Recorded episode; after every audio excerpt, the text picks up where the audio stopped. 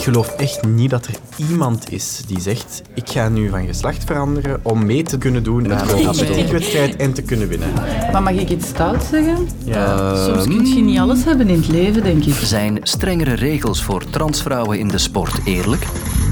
Duitsers willen dat er een rol blijft voor e-fuels. Synthetische brandstoffen zijn dat in een verbrandingsmotor. Kunnen e-fuels de klassieke verbrandingsmotor redden? Pikachu, Pikachu. Wie is Pikachu? Dan denk ik, ja, dat is de, de linksbak van Lokeren. Allee, ja. ik, ik ken die niet, sorry, maar... Je kent Pikachu niet, maar jongen. En kan Pokémon verder zonder Ash en Pikachu? Pikachu. Ja, geen nood, over een kwartier ben ik, net als jullie, wel weer helemaal mee. Welkom. Thomas pulling away over the final 150 meters. Thomas wins the NCAA championship. Je hoort de overwinning van de Amerikaanse zwemster Lia Thomas op een belangrijke wedstrijd vorig jaar. En als je goed luistert, hoor je op de achtergrond ook wat boegeroep. En dat komt omdat Lia een transvrouw is. Sommigen vonden dat zij biologische voordelen had tegenover de andere vrouwen in de competitie. Haar overwinning was dus oneerlijk volgens hen. Kort na die heisa besliste de Internationale Zwembond om transvrouwen niet meer toe te laten in de vrouwencompetities. En gisteravond heeft ook de Internationale Atletiek Federatie dat voorbeeld gevolgd. The World Athletics Council has today taken the decisive action to protect the female category. Uh, and to do so by restricting the participation of transgender athletes. Transvrouwen mogen dus niet meer meedoen, behalve dan wie voor de puberteit de transitie doormaakte. En ook vrouwen die van nature een te hoog percentage testosteron hebben, worden uitgesloten. Maar is dat een eerlijke beslissing? Dat is een vraag voor Wim de Rave, Ik ben professor aan de Universiteit Gent in de bewegings- en sportwetenschappen en ik onderzoek hoe spieren werken bij sporters. en Sandra Meeuwse. Zij is sportfilosoof en directeur van Erasmus Centrum voor Sportintegriteit en Transitie.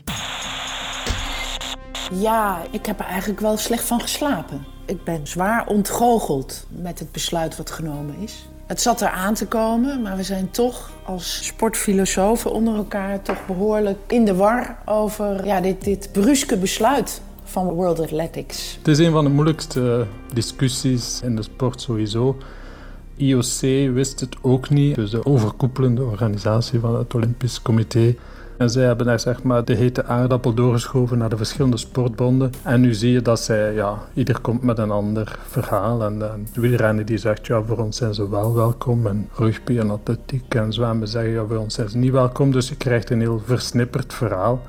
En dat illustreert een beetje dat eigenlijk niemand echt goed weet hoe we hier eh, mee verder moeten. De motivatie van Sebastian Coe, hè, de voorzitter van World Athletics, was er is nog onvoldoende onderzoek bekend dat laat zien dat er geen sportief voordeel zou zijn van transgender vrouwen. En om die reden heeft men nu het besluit genomen, ondanks dus het ontbreken van dit onderzoek, om toch al transgender vrouwen uit te sluiten van competitie in de vrouwencategorie.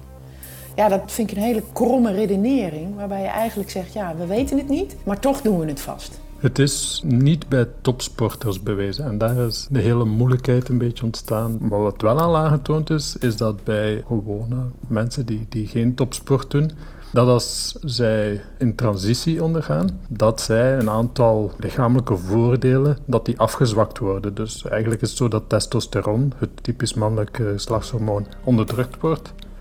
En dan neemt de spiermassa een beetje af, nemen nu aantal rode bloedcellen wat af, maar niet tot op het niveau van de gemiddelde vrouw. Zij hebben een biologisch voordeel. In het lopen is dat verschil 10%, zowel voor de korte afstanden als de lange. Bij de werpnummers bijvoorbeeld is er wel een heel groot verschil. Dus zij hadden misschien kunnen beslissen om te zeggen voor eh, springen en werpen gaan we geen transvrouwen toelaten, maar bijvoorbeeld bij, bij afstandslopen wel of zo. Maar ze hebben eigenlijk gekozen voor, voor de volledige lijn nee te zeggen. Wij gebruiken altijd het voorbeeld van basketbal. Natuurlijk ben je in het basketbal in het voordeel als je langer dan 2 meter 10 bent. Maar zouden we die mensen dan moeten uitsluiten omdat ze langer zijn? Dat is te bizar voor woorden. En er is ooit een discussie in de atletiek geweest. Dat heb ik nog meegemaakt, jaren 80, 90. Toen er een toevloed was in Europa van nou ja, sporters vanuit Afrikaanse landen, Noord-Afrikaanse landen. Dat dat een voordeel zou geven. Het is ondenkbaar in deze tijd dat we om die reden mensen met een paspoort uit Kenia zouden uitsluiten. En eigenlijk is dit precies wat nu plaatsvindt in de atletiek. We sluiten mensen uit op basis van een voorondersteld prestatievoordeel. Dus er zijn twee kanten. Inclusie en dan de zwembond en atletiekbond en zo. Die kiezen eigenlijk de kant van, de, van het beschermen van de vrouwensport, van het eerlijke. En er is eigenlijk geen juist of fout voor mij. Het zijn twee argumenten die je eigenlijk kan aanhalen en ja, die helaas niet verenigbaar zijn.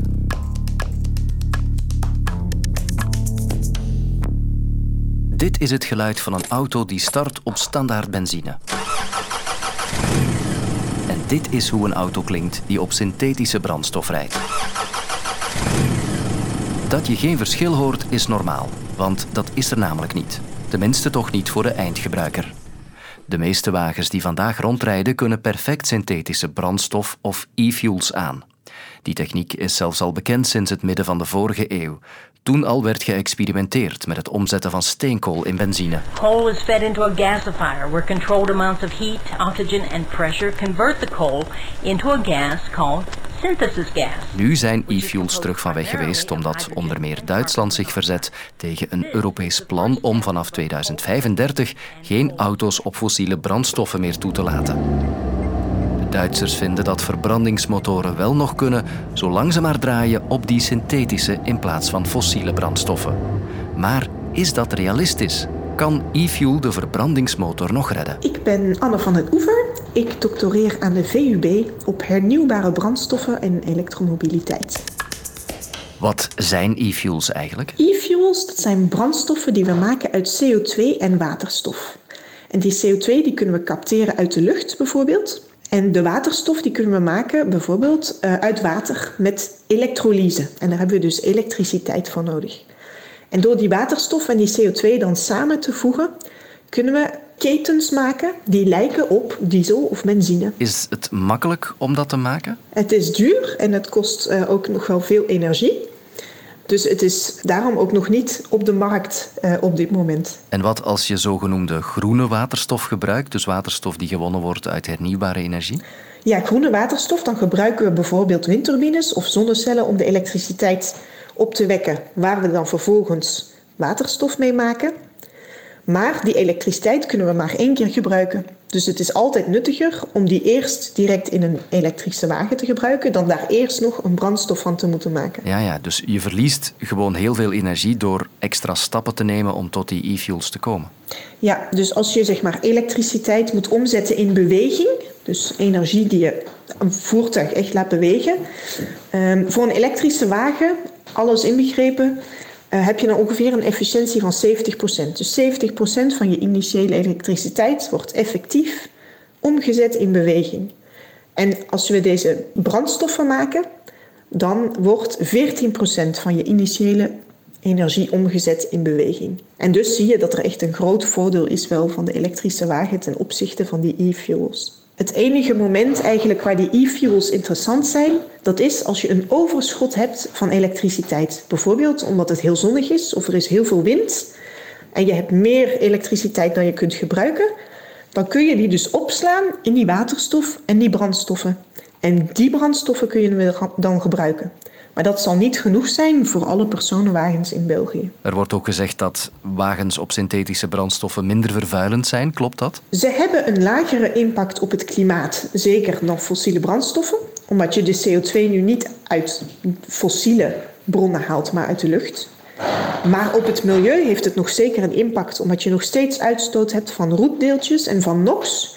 En dat is zeer gelijkaardig aan de normale uh, diesel- en benzinewagens. Duitsland zegt, ja, ook voor onze infrastructuur zijn die synthetische brandstoffen beter. Wat bedoelen ze daarmee? Ja, daar bedoelen ze dus mee dat op dit moment hebben we natuurlijk al tankstations uh, met, met al die infrastructuur om brandstoffen te kunnen tanken. Terwijl als je inderdaad naar elektrisch gaat, moeten we dat allemaal gaan veranderen. En die infrastructuur moet sowieso ook onderhouden worden. Uh, dus als we dit gaan verlengen, dan komt daar ook nog steeds een impact van het onderhoud van al die infrastructuur bij. Ja. Is e-fuel dan helemaal nergens bruikbaar? Nee, zeker niet. Ik denk dat het zeker een rol kan spelen um, daar waar het moeilijk is om te elektrificeren. Dus voor vliegtuigen, voor schepen en ook voor vrachtwagens die lange afstanden moeten afleggen. Uh, daar kunnen die e-fuels zeker een rol spelen. Maar niet voor de personenwagens. De Japanse anime-reeks Pokémon brengt mijn collega's helemaal in vervoering.